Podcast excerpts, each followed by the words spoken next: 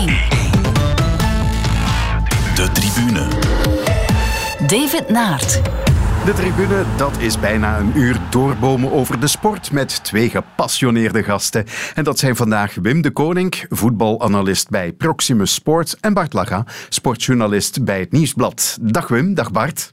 Dag David. Zijn jullie blij dat de winterstop dit seizoen van korte duur is geweest? Misschien moet ik het eerst aan Bart vragen, want als ik het goed heb, Bart, een jaar geleden rond deze tijd vertoefde jij in exotische sferen in Qatar op winterstage met Club Brugge. In Qatar inderdaad. En Wat een contrast. Nu de studio van tijd, de tribune. Rond deze tijd denk ik een oefenmatch tegen Ajax in een van de WK-stadions van 2022, die inderdaad uh, geairconditioneerd waren. En dat is... Uh, dat is een van die fantastische verhalen die we hoorden over dat WK. Ja, gaat dat met airco gespeeld? Hoe kan dat dan? En effectief, die stadions waren erg gekoeld. Ja. Uh, maar kijk, ja. Onze studio is ook erg gekoeld, maar ja, het is niet Qatar. Ventilatie is belangrijk tegenwoordig. Ja, maar goed, uh, het was wel een heel korte winterstop, hè? amper een winterstop en voor Eupen zelfs helemaal geen. Nee, ja. Um, goed, daar heeft corona ook voor een groot deel over uh, beslist natuurlijk. Um, toch zijn er een aantal spelers die eh, toch nog geprobeerd hebben van er een winterstop van te maken. Door naar het buitenland te gaan, wat niet professioneel is natuurlijk, maar misschien ook wel zeer menselijk. Hè. Uh, maar daar was van de clubs uit waarschijnlijk net iets te veel onduidelijkheid over. Hè. Ja. Maar ja, dat kost wel punten hè. en dat kost ook... Uh, bij Antwerpen bijvoorbeeld is dat toch wel een, eh, een item. Daar gaan we straks nog dieper op ingaan, eh, want er zijn heel wat thema's die we met jullie willen bespreken. Maar eerst de momenten van de week. En Bart, jij hebt hiervoor gekozen. In football, non league club Marine will be hoping to pull off an FA Cup giant killing later when they host Premier League Tottenham in the third round this evening. The eighth tier side are the lowest ranked team still in the competition. Marine's squad is made up of NHS workers, teachers, a refuse collector, and a train driver. No fans can attend, but the club's neighbours have got their viewing spots planned. You've got a guy next door in a tree, you've got us, you've got the lady next door in a veranda with a champagne. And then right along the right along the, the run of houses, you know, everyone's doing their own little thing. Um, so yeah, the atmosphere will be fantastic. Het was een duel in de FA Cup tussen Marine uit de achtste klasse, zeg maar, en Tottenham uit de Premier League. Zo te horen zaten we in de buurt van Liverpool. Ja, inderdaad. Onmiskenbaar uh, het accent uh, van Ginder. Um, nauwelijks te verstaan, maar ja, het droeg alleen maar bij tot de charme. Ik, ik koos het fragment. Ik uh, heb de wedstrijd niet live kunnen zien. Ik was op de wedstrijd Sint-Truiden Club Brugge, maar toen ik terugkwam, en dan was het eigenlijk al na middernacht, heb ik toch nog gekeken in uitgesteld relais. Um, want ja, dat zijn van die magische momenten in, in de sport die je toch wil volgen. En ook al is het de wedstrijd per definitie eigenlijk niet spannend. Toch, toch wil je het zien. En het was de grootste mismatch uh, uit de geschiedenis van de FA Cup. En die is toch al bijna 150 jaar oud. En dat was omdat er nog nooit eerder zo'n groot verschil was tussen dus die Premier League, die topdivisie-team Tottenham en dan die achtste klasser. Um, en dan zie je toch, en dat is het magische van voetbal. En daarom denk ik dat ik toch nog altijd dat boontje heb voor die sport een kwart wedstrijd lang staat gewoon 0-0 en blijft die droom bestaan. En uh, het ongelooflijke was dan dat de eerste grote kans was inderdaad voor Marine. Een zondagstrap uh, van buiten de 16. En Joe Hart, die dus invallersdoelman was uh, en eindelijk nog eens een speelkans krijgt. Maar je weet, ja, tegen zo'n ploeg krijg je dus geen werk op te knappen.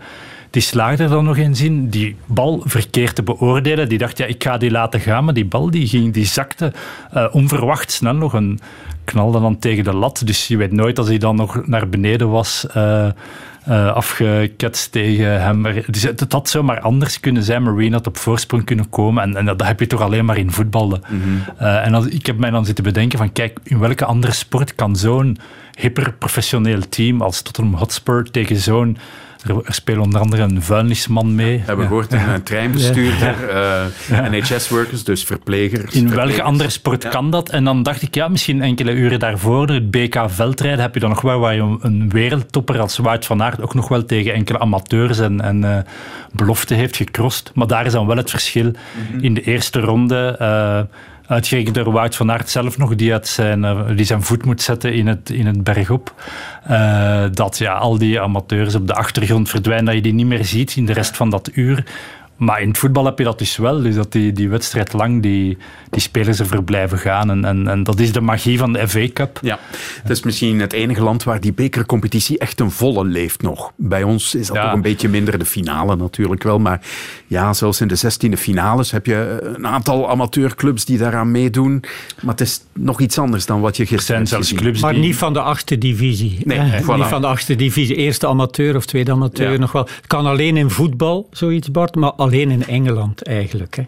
Ja, en dan de BBC die er dan nog een omkadering rondbrengt. ja. Met dezelfde kwaliteit als het de, de bekroning is van de nieuwe monarch. eh, dat is, het is echt... eh, het was genieten eigenlijk om het te zien. Ja, benieuwd of eh, de amateurclubs bij ons die wedstrijd gaan spelen natuurlijk. In februari is het nog hoogst onzeker voor een aantal onderen. Ja, er zijn er een aantal die het niet willen, hè, waar de burgemeester dus officieel ook de wedstrijd verboden heeft. Maar als je dan gaat spreken met... Op eh, verzoek van de club dan. Ja, eh, ze, ze, ze schijnen daar een, toch een niet onaardig bedrag voor te vangen. Eh, daar moet je dan nog eens bovenop de kosten tellen die ze uitsparen door niet te spelen. Ik begrijp ook wel, je gaat dan de trainingen heropstarten in een maand januari om dan misschien één amateurmatch te spelen. Morgen eh, is er een beslissing over het al dan niet afspelen van het amateurvoetbal. Ik denk heel belangrijk voor heel veel mensen.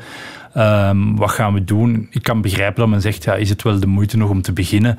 Eh, we staan toch voor een mogelijke eh, derde golf. Ik vroeg me dat trouwens ook af in Engeland, van dat is toch een, het zwaarst getroffen land op dit moment in Europa, maar daar kan de amateurvoetbal dan blijkbaar toch zonder... Ik las wel dan weer dat eh, de spelers niet van shirt mochten wisselen nadien. Dat, die maatregel namen ze dan wel. Ehm, maar goed, ja. Het is inderdaad merkwaardig dat er in Engeland eh, nog altijd elitesport eh Inderdaad. toegelaten wordt. Al heb ik nu net gezien dat eh Europa-bekers in het rugby opgeschort worden. Dus eh, ja, er staat nog wel een en ander te gebeuren. Goed, dan gaan we naar het, eh, het moment van Wim. En dan nog een voetbalbericht. De Deen Joachim Mele verlaat Racing Genk en trekt naar het Italiaanse Atalanta Bergamo. De 23-jarige rechtsachter heeft 130 wedstrijden gespeeld voor Genk. Er is toch relatief opvallend nieuws van bij Standaard, Bert. Ja, daar is Obi Oulare uit de A-kern gezet. Dat eh, melden enkele Franstalige kranten. Het is ons ook bevestigd intussen. De aanvaller ontving een brief dat hij niet langer verwacht wordt in de hoofdmacht van Standaard. Ik zeg het, P- Percy had onderscheidend vermogen. Dus die is, dat is een van de weinige spelers die er misschien net iets bovenuit staken. En, en als je dat type speelt verliest, dan, dan is het natuurlijk moeilijk om zomaar op korte termijn te vervangen. Percy Tau is vertrokken, Joachim Mele is weg, Oulare is niet meer gewenst bij Standaard. En Wim, jij denkt er het jouwe van. Avenatti ook niet. Hè. Die willen ze ook eh, naar de B-kern sturen. Ja, ik denk er het mijne van, omdat je het gevoel hebt dat al die ploegen verzwakt zijn en verzwakt uit de winterstop gaan komen. Alhoewel van Het is nog lang natuurlijk. Het is nog lang, maar ja, maar goed, je, je weet ook wel waarvoor ze doen met Avenatti en Oulare. Grote financiële problemen. Heel wat clubs hebben heel wat grote financiële problemen. Genk zal dat niet hebben, maar je kan Melen niet houden. Eh, maar dan wil ik toch wel de link leggen naar Club Brugge, dat als Ajax interesse heeft voor Hans van Aken, wel Hans van Aken kan houden. En ze kunnen ook nog Dost bijpakken. Ze kunnen ook nog Densweel terughalen. Ehm, ja, de kloof tussen Club Brugge en de rest wordt op die manier altijd weer wat groter. Alhoewel dat ze gisteren in de tweede helft een beetje hebben afgezien. Maar ze als ze zich wel focussen, ja, en als ze zich focussen, en, en ze gaan zich waarschijnlijk nog wel eh, versterken, eh, met het oog op Europees voetbal en gaan zo maar verder. En ja, eh, heb je een beetje het gevoel dat de clubs die eigenlijk club een beetje moeten, ik kan niet zeggen naar de kroon stoten, maar toch eh, ja, het vuur aan de schenen leggen, dat die allemaal eh amechtig hun best moeten doen om rond te komen. En club, ja, met het geld van de Champions League, dat hebben ze natuurlijk zelf allemaal bedongen natuurlijk. En met de transfers die ze gedaan hebben, ja, is een hele rijke club geworden en zijn een beetje te groot aan het worden. Op Ja. dat vlak voor België. En daarom denk ik ook wel, vond ik wel want hij wordt er soms op gepakt, eh Ivan de Witte. Wel mooi dat hij durfde in het begin van het seizoen zeggen van wij gaan proberen eh, club toch een beetje het vuur aan de schenen te leggen. Eh, dat er toch ploegen zijn die dat proberen te doen. En misschien moet je dan wel naar Gent kijken en naar Antwerpen. En zijn er en Genk misschien. Maar zijn er anders niet veel clubs in België die nog... ja, die, ze zijn alleen maar bezig met rond te komen. En ondertussen, Bart, jij kunt dat bevestigen als Club Brugge-watcher van het Nieuwsblad, loopt Club inderdaad wel weg van de concurrentie. Bijvoorbeeld door zo'n speler als Bas Dost te halen. Hoe kader jij dat? Hoe moeten we dat inschatten?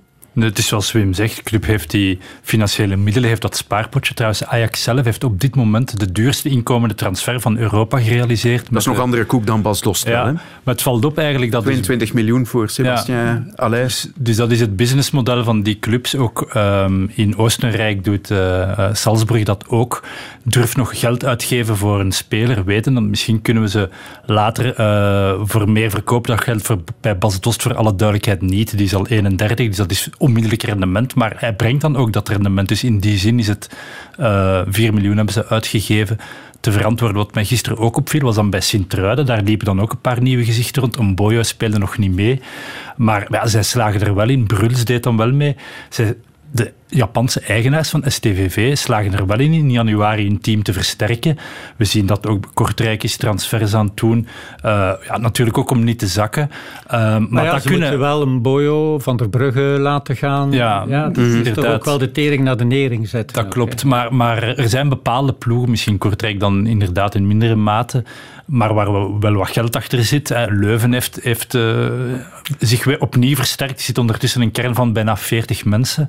Uh, daar spreek je natuurlijk wel weer over buitenlandse investeerders. Ja, buitenlandse investeerders. En daar tegenover staan dan ploegen als Anderlecht en Standaard, die dus ja, op den duur misschien ook moeten beginnen nadenken over een buitenlandse investeerder, want zij, zij krijgen het gewoon niet meer getrokken. En zij moeten gewoon nu verkopen en zij verzwakken. Terwijl Club Brugge inderdaad versterkt. Genk heeft ook mailen moeten laten gaan, maar zij herinvesteren dat dan weer opnieuw in nieuwe spelers. Ik denk dat zij blijven ook wel een belangrijke titeluitdager. Maar ja, Anderlecht en, en Standaard is het financieel heel moeilijk. Ja, wel wat ik dan las, Ashimeru, die van Red Bull Salzburg zou overkomen. Die heb ik een aantal keer zien invallen en spelen in, in de Champions League met, uh, met Salzburg.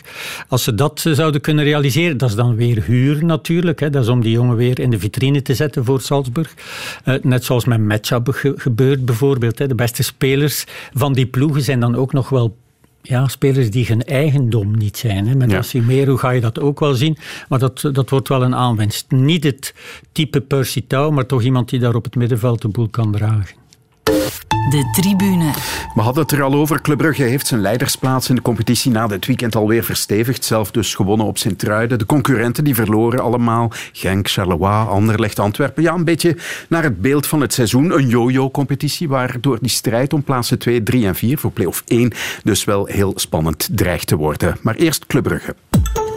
De ketelaar voor de goal. Daar is Dost. Eerste bal, eerste goal. En uh, alweer doet hij het net zoals hij deed bij zijn vorige clubs. Waar hij meteen scoorde. Zowel bij Wolfsburg, bij Sporting Lissabon als bij Frankfurt. En dat doet hij dus nu ook bij uh, Club Brugge. Klopt het dat je bij uh, elke eerste wedstrijd bij je nieuwe club gescoord hebt? Vaak wel, ja. Dus dat Lissabon, is jullie werk, denk ik. Dus ik, uh, ik, ik weet dat niet helemaal. Je weet wel dat je kampioen moet worden met dit Club Brugge. Hè? Er is geen andere weg. Ja, dat wil ik ook. Daarom ben ik hier ook gekomen. Dus uh, een hele belangrijke overwinning ook vandaag. Dat was dus uh, Bas Dos, de nieuwe aanwinst van Club Brugge. Ja, wat was jullie eerste indruk uh, van hem, Bart? Dat hij niet op zijn mond is gevallen om Frank Raas zo te repliceren. Maar hij kent hem misschien nog niet. nee, ja, het, het is duidelijk. Bas Dost, um, wat je koopt is zijn goals, dat is er constante in zijn carrière geweest. Hij scoort 1 op 2, wat, toch wel een, een ongeluk. En dat heeft dat, hij heeft dat overal gedaan. Dus zowel in Nederland uh, als in Duitsland, bij Wolfsburg. Op het moment dat Wolfsburg echt uh, met Bayern München duelleerde om het kampioenschap. Uh, geen kampioen geworden, wel de beker gewonnen samen met Kevin De Bruyne, als bij Sporting in, in Portugal. Um, en het is eigenlijk heel straf dat zo iemand voor Club Brugge kiest, maar ik denk dat de reden waarom is dat er, hij ook wel zal weten, Bas Dost, dat hij type spits is die, ja, waar de ploeg in functie moet spelen van hem. En dat is hetgeen hij zei na de wedstrijd van... Hij was heel blij dat uh, Philippe Clement uh, de spelers er al op gewezen had van kijk, zo en zo moet je Bas Dost aanspelen. En, en zo hebben ze het ook gedaan. Zowel Charles de Ketelaar als Noah Lang ook had hij nog een goede kopkans. Hebben die ballen al gegeven die hij nodig heeft. En bijvoorbeeld bij Oranje, waar het geen succesverhaal is geworden met Bas Dost, was het wel moeilijk om, uh, om hem te bereiken in die 16 meter. Dus ik denk dat Bas Dost een heel bewuste keuze voor Club Brugge heeft gemaakt. Wetende van, kijk, hier kan ik de man zijn. En uh, ja, voor Club is Bas Dost een godsgeschenk. Want ik denk dat het niet makkelijk was om een spits met die kwaliteiten aan die prijs uh, binnen te halen. Nee, ze hebben voor Rezai meer gegeven. Ze hebben voor uh, Kermenchik meer gegeven. Ze kunnen zich dat ook veroorloven. Dat dat dan jongens zijn die ja, niet slagen, niet lukken. Uh, ook, uh, ook Reke, denk ik, heeft meer gekost. 8 miljoen, ja. ja. Ja, een stuk jonger natuurlijk, maar voel je al wel dat dat uh, moeilijk zal zijn om daar een meerwaarde van te krijgen. Maar ze kunnen zich dat veroorloven. Het zijn investeringen die ze met de ogen dicht kunnen doen. En nu kiezen voor iemand van 31, alleen maar met het oog op dit seizoen en volgend seizoen. Uh, korte termijn, omdat ze iemand wilden die daar diep in de spits echt wel het verschil kon maken. Iets wat, wat, waar ze naar echt op zoek waren, wat de laatste jaren een beetje is tegengevallen na het weggaan van Wesley. Ik denk dat het ook belangrijk is in dat team van Club Brugge. Ja, het doel van Club, uh, als je het dan als zaakmodel bekijkt, is inderdaad om die jongere spelers te ontwikkelen om het binnenste verkoop, zoals een Diatta bijvoorbeeld. En ik denk dat ze een Diatta wel wat kan opsteken van een Bas Dost als het over afwerken uh, in de 16 uh, gaat. Dus in die zin is het oké, het is je hebt er misschien geen. Uh, je kan er nooit meer die 4 miljoen terugverdienen, maar je gaat die wel onrechtstreeks op een andere manier wel, uh, wel kunnen mm -hmm. verdienen. Misschien moet eerder uh, Dennis naar hem kijken dan Diatta. ja. Om, ja, want hoe zit het met Dennis? Maar ik noemde eigenlijk Diatta omdat voor mij Dennis eigenlijk een, al een beetje een afgeschreven ja, ja. verhaal is bij Club Brugge. En hij heeft nu een teenblessure en Philippe Clement deed, deed, heel mysterieus over de manier waarop hij die heeft opgelopen. Hij zei wel dat het een echte teenblessure was. Mm -hmm. dus ja. Um, ja. Ja, Alsof onechte teenblessures bestaan. Nee. ja. Ondertussen is uh, Hans van Aken geschorst natuurlijk bij Club Brugge. Uh, wat vonden jullie van de ketelaar als zijn vervanger? Wel, we hebben van Hans van Aken in de eerste helft niet gemist. Uh, Club Brugge mm -hmm. speelde heel snel. veel positiewissels. En Charles de Ketelaar heeft een prachtig assist gegeven. Ja, ja denkt, handelt snel. Um, voor mij was hij een volwaardige vervanger. Nu denk ik wel dat uh, Club Brugge Hans van Aken nog zal missen in, in de volgende twee wedstrijden. Uh, en ze moeten nu toch naar Beerschot. Um, het zou te makkelijk zijn om te zeggen van, van Club heeft Hans van Aken niet nodig. Ook in die tweede helft was het toch wel... Uh, ja. ja, hoe komt dat, die, die wedstrijd met twee gezichten bij Club Brugge? Ja, het is heel... niet voor het eerst. Hè? Nee, nee. Ook Genk had er last mee in Kortrijk. Hè. Eerste helft heel overtuigend. Klopt. Tweede helft waren ze heel erg matig, zwak zelfs. Uh, heel verrassend, omdat je toch op voorsprong komt. Hè. Uh, of nee, je komt wel achter, maar toch. Uh, je, je voetbalt goed. En eigenlijk is het heel raar dat ze dat niet kunnen doortrekken. En gisteren was bij Club, ja de wedstrijd was gespeeld. Hè. En dan een paar wissels van Maas en, ja. en, een extra scherp uit de kleedkamer gekomen. En ze wisten het niet meer. Dost niet meer uh, ja. voorin daar. Ook Reke, die dan tegenvalt, dan nog eens de kans krijgt om, uh, om die daar te grijpen. Maar ja, het was... Uh, het was nog bibberen naar het einde. Hè. Ze verloren nog bijna punten, maar um, ja, als het er echt op aankomt, is het toch heel erg moeilijk om, uh, om Mignolet te kloppen. Hè. Ja. Denk dat die ja, vreemde korte winterstop er misschien ook wel iets mee te maken heeft. Je ziet toch dat alle ploegen weer niet echt in de haak zijn. Je ziet Antwerpen toch ook uh, onherkenbaar ja. natuurlijk, mede door de afwezigen. Mm -hmm. uh, Gent dat dan ja, Jaremchuk mist en dan, dan ontbreekt er toch wel iemand om, om iets te doen hè, met de Poitren en, en uh, is dat toch niet hetzelfde. Um, ja, ploegen hebben het toch moeilijk om na nieuwjaar die, die draad, ook al was de winterstop mm -hmm. kort, om, om terug in datzelfde ritme door te gaan. En dan vond ik dat Club Brugge het eigenlijk heel goed deed voor de rust, maar blijkbaar toch ook misschien fysiek, ik weet het niet, ja, mentaal, uh, ja. om het dan weer door te trekken. Maar goed, Club Brugge staat los op kop. En dan is de hamvraag natuurlijk, wie gaat er nog in play-off 1 eindigen? Dat is hetzelfde als vragen om de winnende lottocijfers ja. te voorspellen op dit moment. Ja, want het is heel erg moeilijk. Hè. Het zit zo dicht bij me. Het wisselt voortdurend ook. Ja, het is echt wel raar dat uh, Zulte Waregem nu weer naar boven kan kijken. Ja, tot uh, een maand geleden moesten die echt wel achterom kijken om niet op de laatste ja. positie te, te komen. KV boven, Mechelen. KV Mechelen, ja, ja. Uh, Kortrijk, noem ze maar op, Oud-Heverlee, Leuven. Ze komen daar allemaal kietelen, vooral omdat die ploegen daar bovenin te veel punten verliezen natuurlijk. Het is wel opvallend dat ze toch wel vergeleken met andere jaren heel veel punten laten liggen. In onderlinge duels is dat logisch, maar ook tegen kleinere ploegen waarvan je toch verwacht dat ze daar eigenlijk moeten, uh, moeten gaan winnen. Er zit ja, geen constante in. En wat zegt dat over deze competitie? En het niveau ervan? Ik denk enerzijds zijn de kleinere ploegen sterker geworden, wat we daarnet al zeiden, die rijkere eigenaars, OHL bijvoorbeeld, die blijven investeren, uh, of STVV, of, of noem ze maar op. Um, En anderzijds, ja, die, die, die typische grootmachtploegen die het dan laten afweten. Hè, die, ja, Anderlecht is gewoon kwetsbaar, letterlijk. Ja, ook, ook nu weer in die laatste minuten. Uh, de prijzen die ze betalen voor, voor ja, om toch met jonge spelers uh, te spelen. Een vermijdbare penaltyfout. Uh, en dan denk ik, ja, die vier eerste plaatsen, vooral die vierde plaats is een groot vraagteken. Want ik denk, Club Brugge kan je er sowieso opschrijven. Denk. En dan denk ik dat Genk er zeker ook wel zal bij zijn. En ik geloofde echt ook, ik geloof ook nog altijd wel in Antwerpen, omdat er kwaliteit genoeg is. En ik geloof ook wel dat Frank Verkouter erin mm -hmm. moet slagen dat terug op het droge te trekken. Zal er dadelijk nog dieper op ingaan. Inderdaad. En dan is de vraag wie, wie wordt de vierde ploeg. En dan, dan kunnen dat echt inderdaad eh, belachelijk veel ploegen zijn. Inclusief ploegen die ook nog kunnen degraderen. En dat is het maffe eigenlijk ja. van de situatie. Wat een beetje wat je de situatie in 1B ook had. uh, dat je voortdurend tussen promoveren en degraderen zit. Uh, dat hebben nu die ploegen ook, die voortdurend voor, naar, naar voren. Zelfs en Mark Brijs zei van ja, we kijken nog altijd naar beneden. Ja. Maar kijk maar eens hoeveel punten dat ze daar allemaal halen en hoe snel het gaat. Hij zal dat wel niet gemeend hebben, maar toch, het zegt wel veel over. Ja, omdat OHL ook veel punten dan heeft laten liggen ja. tegen kleinere ploegen.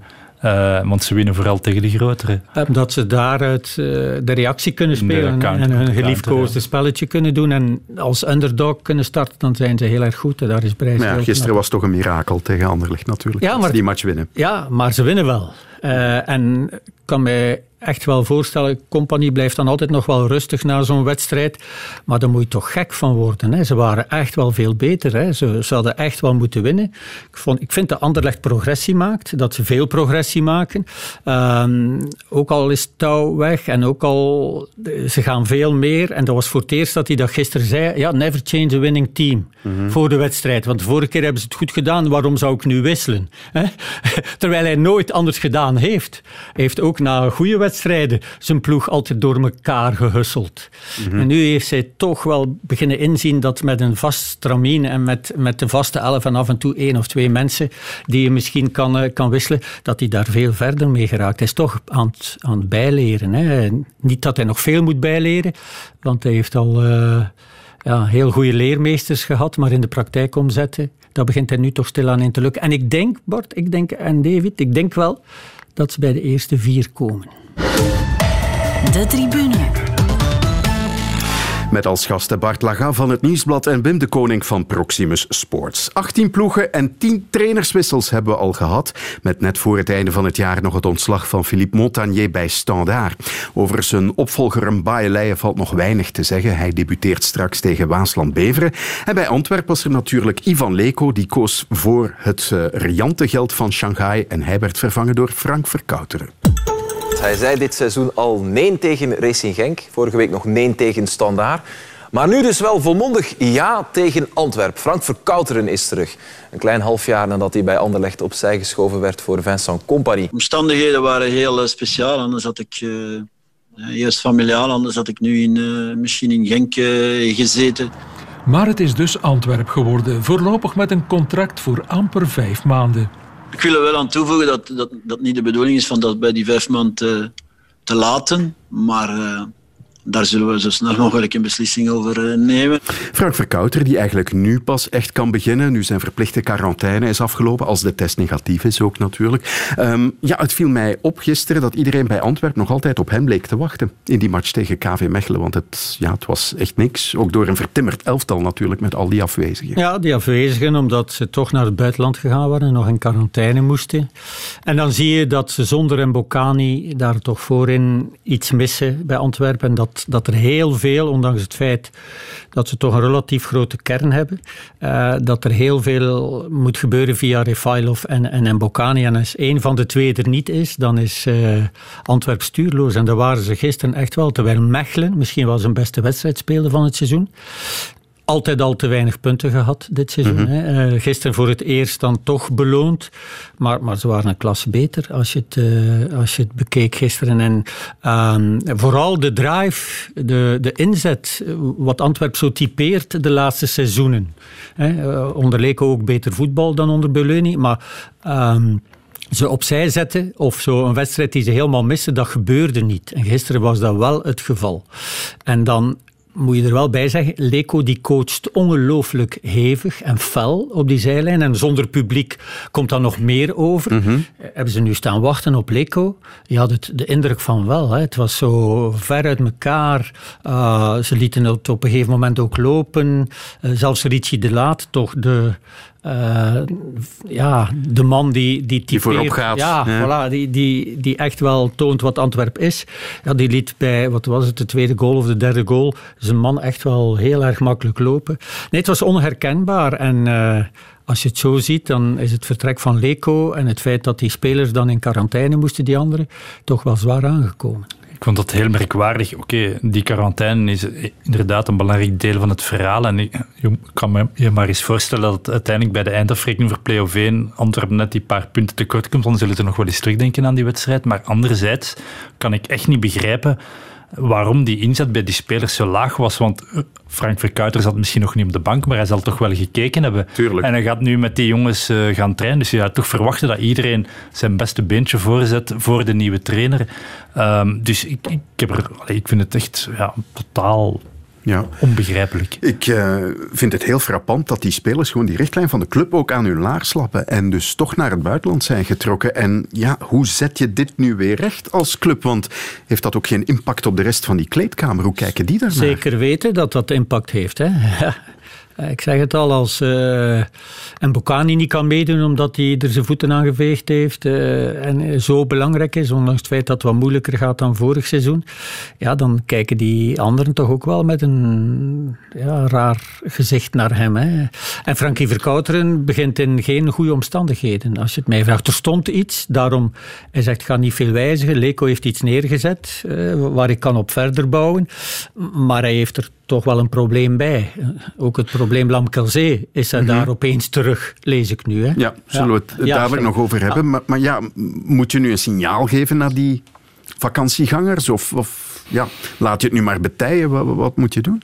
Ik denk wel dat Frank Verkuiter ervoor zal kiezen van kijk, ik ben hier een nieuwe lei. En, en ik kan me niet voorstellen dat hij nog... Ja, hij heeft die spelers ook nodig, hè, dus wat moet je dan doen? Een Bocani?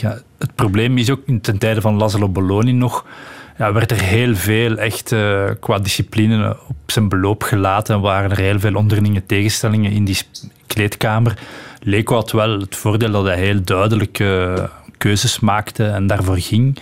Uh, naar de beker sturen was bijvoorbeeld ja. ja een heel Maar er was voortdurend ja, ontwrichting met het bestuur op die gevoelige punten tussen Leco en daarmee misschien ook wel dat Antwerpen vrij gemakkelijk naar China heeft laten gaan. Mhm. En nu hij weg is, komen die problemen van daarvoor misschien via de achterdeur weer, weer binnen.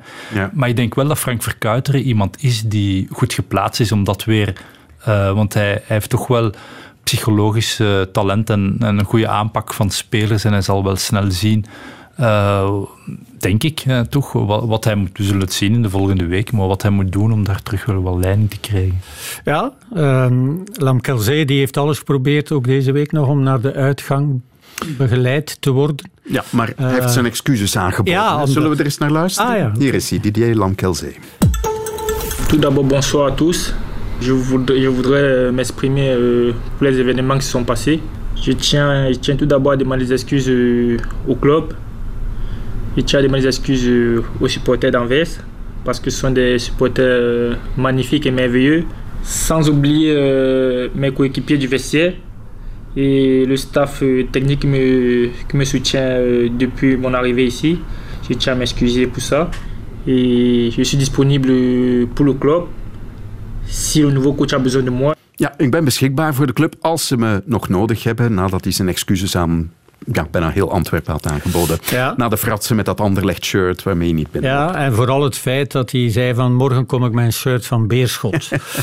dat van Anderlecht, oké, dat was misschien nog net te doen, maar in, in Antwerpen... Dat is ook al paars wel, hè? Ja, maar toch, mijn, zeker, ja, mijn shirt van Beerschot komen, dat is echt not done. Daar worden ze echt gek van. Maar ja, valt dit, deze man nog te redden? Nee, nee, nee, die man valt niet meer te redden. Tezij, eh, want ze hebben wel schrik in, in Antwerpen, dat was ook vorige jaren al zo met zijn fratsen, dat die elders misschien dan toch eens helemaal gaat ontbolsteren en professioneel zich gaan gedragen. En daardoor hopen ze nog altijd dat ze daar redelijk wat geld kunnen voor krijgen, dat er daar belangstelling voor is. Panathinaikos, waar Beluni nu trainer is, was geïnteresseerd. Hè.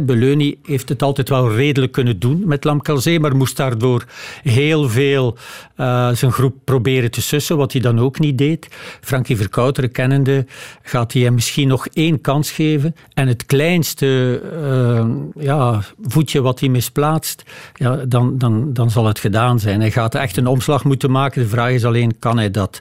En ik vrees dat hij dat niet kan kwaliteit genoeg, maar um, begeleiding uh, is niet goed. Zijn entourage uh, gaat hem toch altijd wel verkeerd uh, zeggen hoe hij zich moet gedragen, want anders was hij niet met als. Want ik denk niet dat dat van zichzelf is dat hij met zo'n shirtje van Anderlecht daartoe komt op, op Antwerpen. Mm. Om, om nog maar eens de uitgang te forceren en dan achteraf uh, te moeten vaststellen van oei, ik raak toch niet weg of ze zijn toch niet geïnteresseerd of het is toch niet zo interessant mm -hmm. om Mhm. te gaan. Dus ik ga hier nog maar bakzeilen halen. Ik heb gehoord van een Griekse collega dat uh, die interesse die er dan was voor hem uh, van Panathinaikos nu inderdaad er niet meer is. Ja, ja. Want ja, die beelden gaan natuurlijk de wereld rond. Ja, ja, en ja, zelfs in Griekenland ging dat toch nog een paar stapjes te ver. En dan zitten we nog met een probleem in het doel, hè? Ja. Het is er na gisteren niet kleiner op geworden. Nee. Vant, uh, jij zei het hier bij je vorige passage, Wim. Uh, ja, die is uh, kapot gemaakt bij wijze van spreken door Ivan Leko met zijn uitlatingen. Maar ja, hoe pak je dit nu weer aan?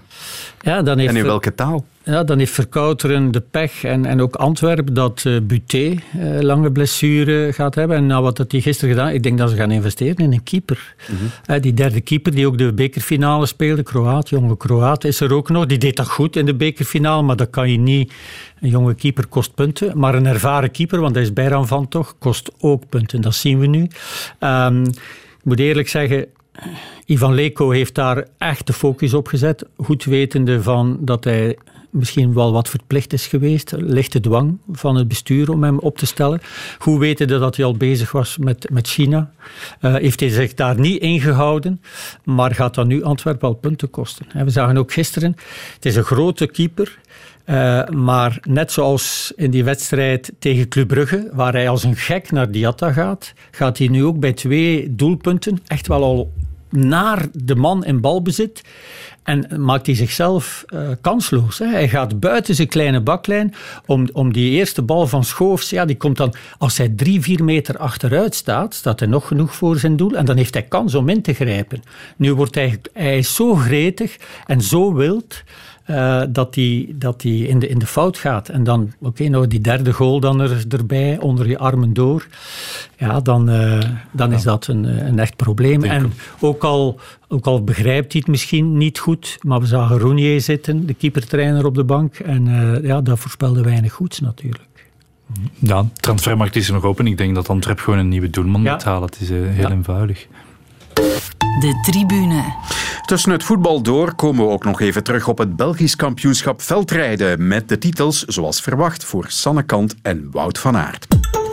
Hier gaat hij aankomen. Wout van Aert begint het seizoen op een fantastische manier. Vader worden is al een van de, ja, misschien wel de, de beste, de leukste, de meest uh, indrukwekkende dingen die je kan meemaken in je leven. Maar als, kijk, voilà, hier komt het teken met de duim in de mond. Als een uh, fopspeen natuurlijk voor de baby en voor zijn uh, kerstvers zoontje Georges.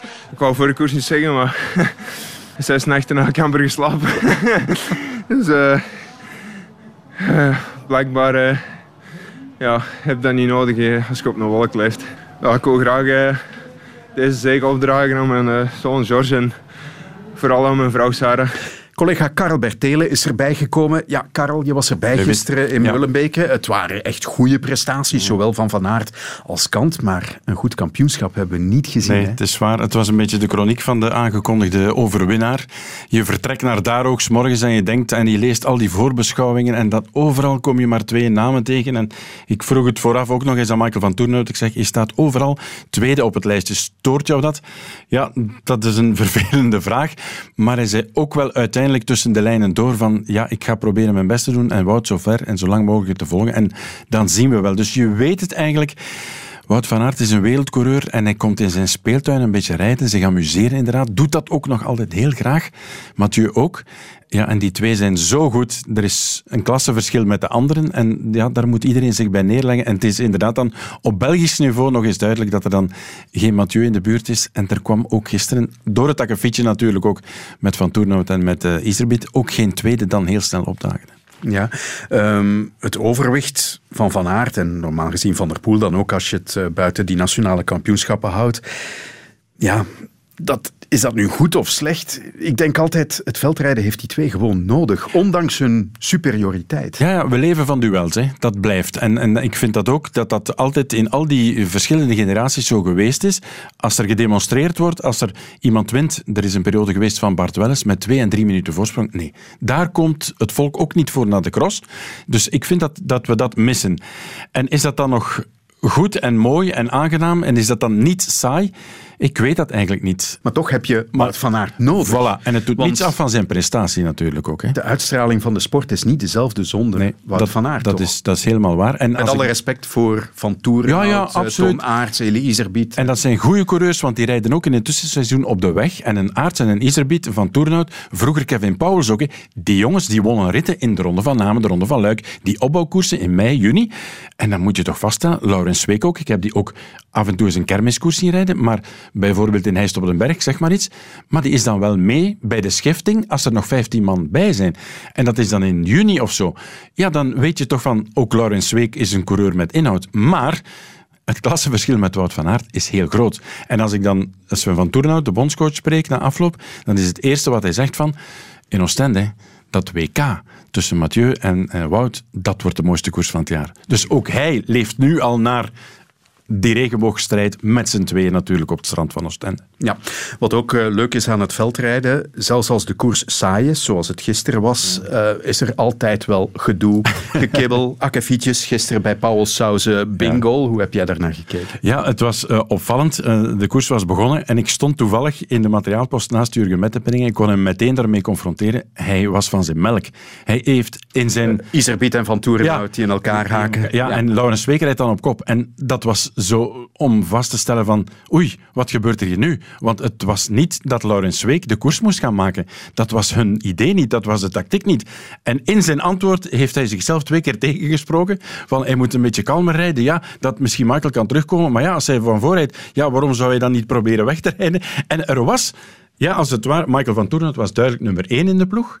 En dan zouden ze wel zien hoe het met Iserbiet en zijn uh, elleboog ging. En Laurens ging proberen zijn koers te rijden. En dat was plots helemaal omgekeerd. En dan krijg je zelfs bij de manager dat hij voor een, ja, voldongen feit stond en zelfs niet meer wist wat hij daar moest op gaan, gaan antwoorden. Het was, het was heel merkwaardig om te zien. En inderdaad, zo'n hapering kan natuurlijk gebeuren. Als je natuurlijk met twee van de drie favorieten voor het podium in je ploeg dat meemaakt, na amper twee minuten, ja, dan sta je daar natuurlijk wel een beetje met een uh, beteuterd gezicht naar te kijken. Ik kan dat wel begrijpen. Ja, maar iemand als Gianni Meersman zit dan eigenlijk tijdens de wedstrijd in de eter kritiek te geven mm op Zweek. Hij moet de kop niet doen. Mm uh, in Gulligem hoorde ik ook Christophe Roodhoofd inhakken bijna op Sanne Kant, die niet goed aan het rijden was. Ja, moet dat? Kan dat? Het enige voordeel van dat te zeggen is dat de coureurs het op het moment niet horen. Ze zullen het maar horen als ze hè, achteraf nog eens de koers bekijken.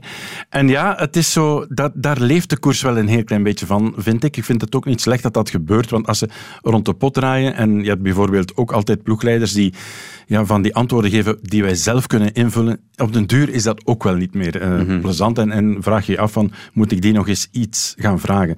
Dus dat dit gebeurt, ik vind dat kleurt de cross en ik vind het op zich niet erg. En ergens vind ik dat uh, Gianni Meersman ook gelijk heeft, dat hij zegt dat Iserbiet de koers moet uitrijden. Ik vind dat ook. Uh, je moet niet te snel opgegeven. als het inderdaad is dat Iserbiet pijn had aan zijn elleboog en dat hij niet meer verder kon, oké. En dan geeft hij wel een signaal aan zijn begeleiders. Maar nu zat hij in de camper zonder dat ze het bijna wisten. Ja, nee, rijd dan maar door, bijt dan maar op je tanden, wat hij zelf op voorhand altijd zegt. Dus ja, die dingetjes. In de marge van de cross is dit inderdaad een voetnoot, hè, wat er gebeurd is bij Paul Sauzen, maar het is, het is plezant dat het gebeurt. Nog even naar de vrouwenwedstrijd met de eerste plaats van Sanne Kant en die opvallende tweede plaats toch wel van uh, Lotte Kopecky. Moet zij naar het WK? Ja, voor mij wel. Ik lees dat ze een uh, vrij weekend heeft. Dus why not? Uh, ik sprak haar vriend uh, in de post en die zei van wij hebben nog niet geoefend op op en af de fiets springen. Ze doet dat voortreffelijk, vind ik. Ze heeft een grote motor, dat heeft ze bewezen op de lange rechte stukken. Technisch is er nog werk aan, maar zij rijdt zes of zeven crossen en zij pakt zilver. Ja, David, jij weet het ook, je zegt het ook altijd, dit is een van jouw stokpaardjes, maar ja, dit betekent wel het niveau van de cross bij de vrouwen. Hè. Dit tekent het nu helemaal. Ja, het is vooral pijnlijk voor uh, alle vrouwen die niet Sanne Kant heten. Absoluut. En dat Sanne wint is ook geen verrassing. Dat was ook aangekondigd. Het is 12 op een rij. Niet voor niets 12 op een rij, want chapeau voor Kant dat ze dat doet. Het is jammer dat het nu op het allerhoogste niveau ja, dat niveau wat ze haalt in België is niet meer genoeg om daar te presteren. Dat moeten we met z'n allen vaststellen. Maar dan gaapt daarachter een kloof. En die is zo groot en die wordt niet ingevuld door Laura Verdonschot, wat iedereen dacht. Ook niet door Alicia Frank. Ellen van Looy is 40 en heeft een job, is, is halftijds crosser. Daar kan je het ook niet meer van verwachten. Dus waar zijn ze? We staan aan het begin van een lange tocht door de woestijn bij de vrouwen. Een grote leegte. En al die Nederlandse vrouwen die zijn jonger dan 25 op uh, Lucinda Brandt na. Dus het, wordt, het worden harde noten om kraken bij de vrouwen in de cross. En wat kan Sanne Kant op dat WK in Oostende?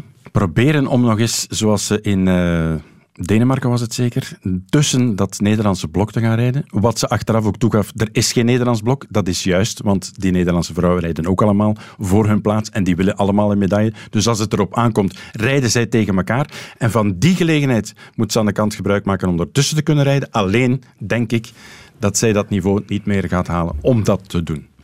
We zullen zien. Eind van de maand het WK in Oostende. Dankjewel, Karel. Alsjeblieft. De tribune. Radio 1.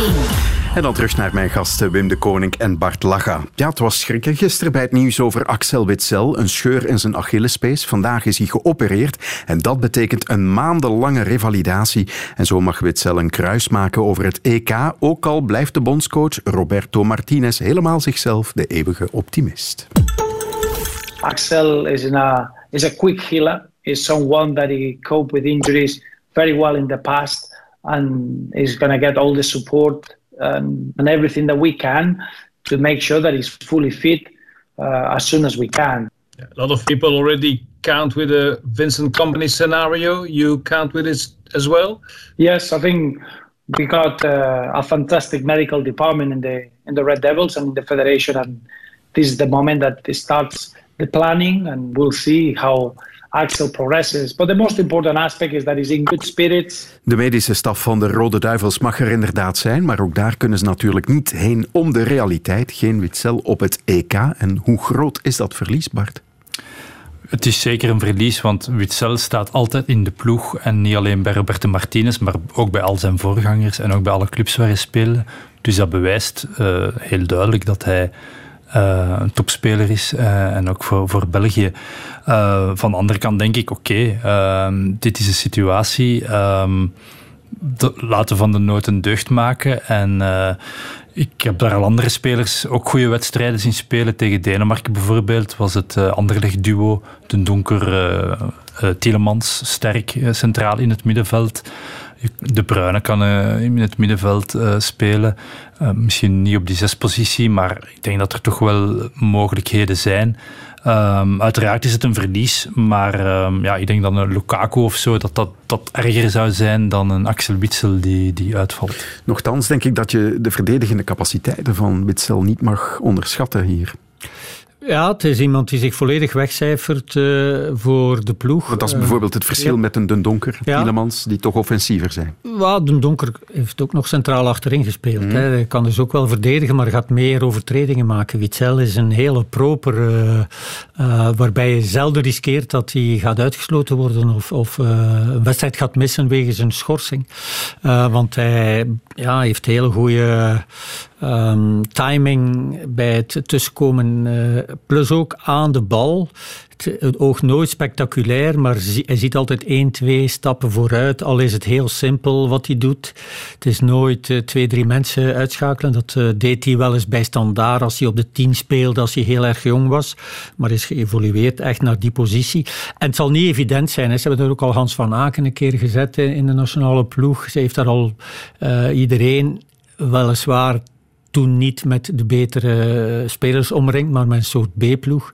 Waarbij nogal snel gezegd werd, ja, dat is niet voor Hans op die positie. Maar er zijn wat mogelijkheden. Hè. De, de donker is de meest logische. Uh, maar ik denk dat ze Witzel wel, wel gaan missen. En dat hij gaat meedoen op TK, nee, dat is onmogelijk natuurlijk. Ja. Maar het, zoals Bart zegt, Lukaku missen, dat zou erger zijn.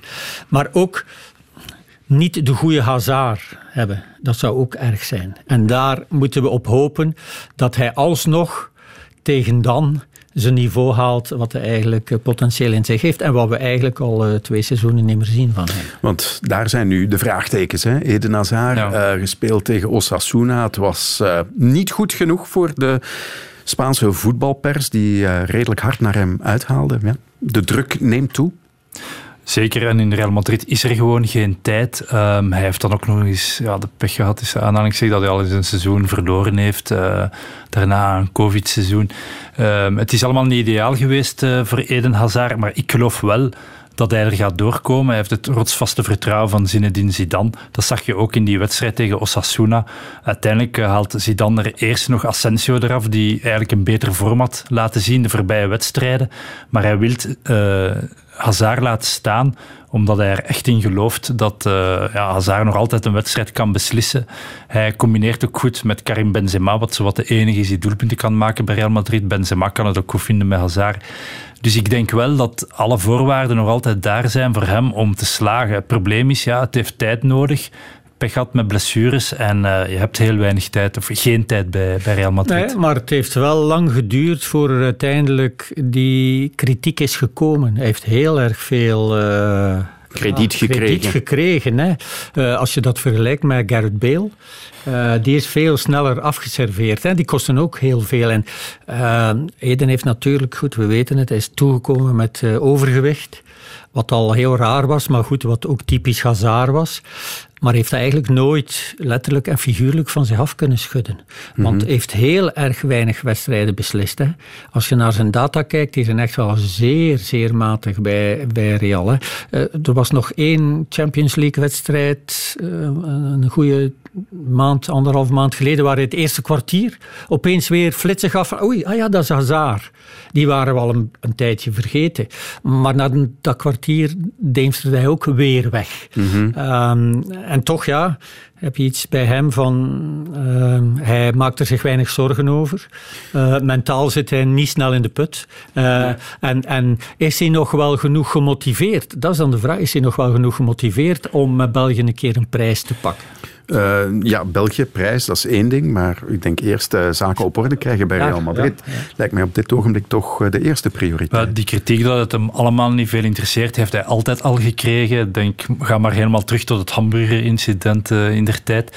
En uiteindelijk ja, is het iemand die, ja, die veel wedstrijden moet spelen om het goede gevoel te vinden. En ik hoop een beetje, voor België dan, als, als, als Rode Duivel supporter, laat me maar zo noemen als journalist, dat hij dat we een herhaling krijgen van het scenario van het EK 2016, waarin hij ook een afschuwelijk uh, slecht jaar had, Chelsea ook geblesseerd geweest en dan eigenlijk fit terug was voor dat toernooi. Want als je dan ook kijkt naar die blessure van Witzel, dit gaat veel gebeuren en ook bij vele nationale ploegen. Ja. Vele topspelers zullen door overbelasting, want dit is duidelijk een overbelastingletsel, ja. er niet bij zijn.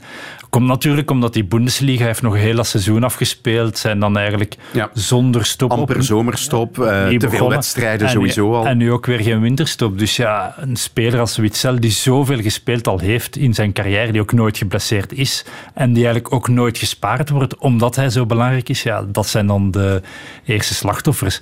En laten we hopen dan dat een Eden Hazard dan wel ja, op het juiste moment uh, fris zal zijn. Want heel kort nog, uh, kan dit het EK van de afwezigen worden? Waar er ja, te veel topspelers misschien wel afwezig zijn? Dat zou kunnen, alleen ja, ze moeten natuurlijk een overladen programma spelen en dan nog dat EK er nog eens bij, waarbij je dan ook nog een soort voorbereiding moet doen, maar dat zal vooral rusten worden. Uh, maar ja, tegenwoordig worden ze medisch zodanig gescreend, zijn er zodanig veel data en cijfers erbij dat je je eigenlijk wel afvraagt, hoe komt het dat ze dan niet sneller rust krijgen als er eigenlijk rust aangegeven wordt? Uh, in hoeverre gaan die coaches coachen dan beslissen dat die speler toch moet spelen omdat hij belangrijk is? Dat is, uh, dat is een beetje de vraag. Want ik denk niet dat Witzel... Want ze zeggen, oké, er zal al wel een, een, beetje last geweest zijn aan die Achillespees. Je kan ook je Achillespees scheuren uit het niets. Mhm. Zonder overbelasting. He, ik weet niet of dat dan nu bij hem het geval is. Maar dat, dat gebeurt wel. Dat gebeurt wel. En zeker ook, inderdaad, zoals je zegt, bij spelers die eigenlijk nooit geblesseerd zijn. Opeens geeft dat lichaam dan aan, oh, nu ga ik... Uh, Lukaku zat onlangs op de bank bij Inter. Ja, Uh, wat eigenlijk een goede zaak is, hè, want die is ook nooit geblesseerd, speelt ook alles. Dus ja, is het, zal, sterk, ja. het zal wel nodig geweest zijn. Hè. Ze zullen het niet zomaar hebben gedaan. De tribune. We ronden af met de uitreiking van de Gouden Schoen. Dat is voor komende woensdagavond. Dan kennen we de opvolger van Hans van Aken. Ja, wie zou dat kunnen worden? Algemeen hoor ik overal Leo Refailov, die door heel wat mensen wordt getipt als winnaar. Eh, doen jullie dat ook, eh, Wim? Wie is jouw uh, nummer ik, 1? Ik heb uh, ook nog mogen stemmen. Uh, en oh, ik dat heb, interesseert ons. Ja, ja, ik heb, Wie heb jij op ingezet? Ik heb Refailov drie punten gegeven. Mm -hmm. um, terzelfde tijd was dat ook niet, hoe zou ik zeggen, volmondig. zoiets van, ja, die speelt al zo lang in België. Die is eigenlijk nooit in aanmerking gekomen om die gouden schoen te pakken. En opeens, hè, um, ja, er wordt naar data gekeken. Daarom denk ik ook dat, ja, hoeveel goals heb je gemaakt, hoeveel assist heb je gegeven. Uh, daar wordt vooral op gefocust de dag van vandaag. Er wordt niet meer gekeken van wie speelt hier nu goed. Of, of uh, nee, er wordt echt wel naar cijfers gekeken. Daarom zal een keeper ook nog zelden de gouden schoen winnen.